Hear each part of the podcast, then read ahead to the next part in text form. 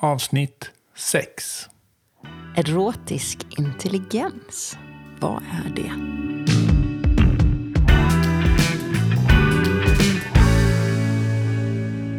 Ja, det här är ju lite diffust kanske. Men ändå inte.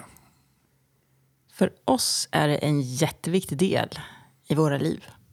Och jag tror att det alltid har varit det, utan att vi haft ord att sätta på den. Det har ju med utveckling att göra. Mhm. Utveckling av relationen, utveckling av sexet. Men även att tillåta sig att vara fullt levande som människa. Mm. Men många håller sig nog undan från det erotiska i vardagen. Tror att det inte ska vara där. Ja, när man tror att det bara handlar om sex. För erotik handlar så mycket mer om hela livet än bara sex. Ja. Och det är väl det som kanske gör det här uttrycket då, erotisk intelligens lite förvirrande. För det är inte bara en sexfråga. Men det är också möjligt att applicera på sitt sexliv. Mm. Blir lyssnarna klokare av det här? Nej, men vad är erotisk intelligens om du skulle beskriva det då? Vad skulle Ester säga? En av Ja, Ester, Ester Perell är ju den som har skrivit mycket om det här specifika ämnet och kanske till och med uppfunnit uttrycket. Nej, hon har lånat med sig någonstans på vägen. Men hon är den på senare tid som har skrivit en hel del om det. Ja, vad säger hon egentligen? Det är ju en kraft, pratar hon om. Bryta verklighetens gränser och begränsningar. Ja.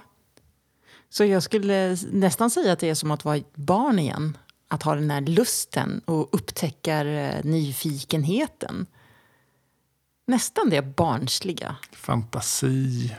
Men äv, ja, fantasi och även det här risktagande som man kanske hade i eh, lite äldre tonåren. Det där innan, innan hjärnan är färdig, fullt utvecklad. När vi vågar ta lite risker och hoppa från höjder eller ja, men riktigt känna oss levande. Jag vet inte om jag idag skulle börja hoppa fallskärm. Men då, när jag var 19 och 20, var det ju jätteroligt. Livskraft. Vitalitet. Mm. Förnyelse är ord som hon använder. Mm. Eh, och det är kanske inte det man förknippar med medelålders människor som oss kanske. Eller med erotisk intelligens. Nej. Sen jobbar hon ju mer kring det här, eh, vilket jag tycker är spännande, i eh, otrohet dyker upp. Väldigt tydligt i, i hennes arbete med erotisk intelligens. Framförallt för att förklara det och förklara varför otroheten kan uppstå. Och det har ingenting med var man stoppar sina könsorgan eller vad man, alltså sexet, utan det är spänningen, attraktionen, något nytt, eh, någon som ser på det på ett annat sätt Och också att det är lite risk. och risk. Alla de grejerna, Och kanske lite förbjudet. ja. Och alla de grejerna har du inte fått hemma på väldigt länge. Och då går du någon annanstans. Så att bjuda in sin erotiska intelligens och liksom jobba med att ha det lite förbjudet, lite spännande, bryta lite regler. Eh, Bara det där barnsligt nyfikna, men även risktagande i sin relation. Då minimerar man risk för otrohet. Ja.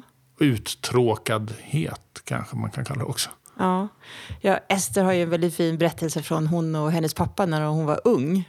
Hur de på söndagarna medvetet cyklade vilse. Så att de fick känna den här, "Ah, vi har ingen aning om vart vi är. Ska vi hitta hem? Så det var risken. Och det här förbjudna och det här lite utanför reglerna. Och sen tillsammans så hittar de ju hem. Jag kan gilla att göra det på utflykter med dig ibland. Jag kan säga let's get lost together har vi som ett litet mantra. Att vi hittar på saker och ja, vi hoppar på den här bussen. Vi har ingen aning om vart den går, men vi åker den en liten sväng så ser vi vart vi tar vägen. Så att vi kan hitta hem tillsammans. Det är ett sätt för mig att se till att vi nyttjar den erotiska intelligensen i vår relation. Mm. Och som tur var finns det kartappar också som kan hjälpa oss man hittar hem. Ja. Men eh, vad summerar vi det här med då? Ja, var inte så jävla tråkig. Nej. Bjud in det lite förbjudna, det lite regelbrytande i relationen, i sexet, i livet. Och låt erotiken finnas med inte bara i sexet utan i livet, i relationen. Mm. Ska vi nöja oss där? Och så kommer vi säkert toucha in på erotisk intelligens i någonting annat vi pratar om. Ja, men eh, det hänger ju också ihop med att man måste jobba på relationen. Vårt Ja. mantra som vi kommer tillbaka till. Jobba på relationen och ett sätt är att skapa lite sådana här eh, mystiska, spännande eller knasiga platser Och hemligheter och hemligheter. tillsammans. Tack för idag.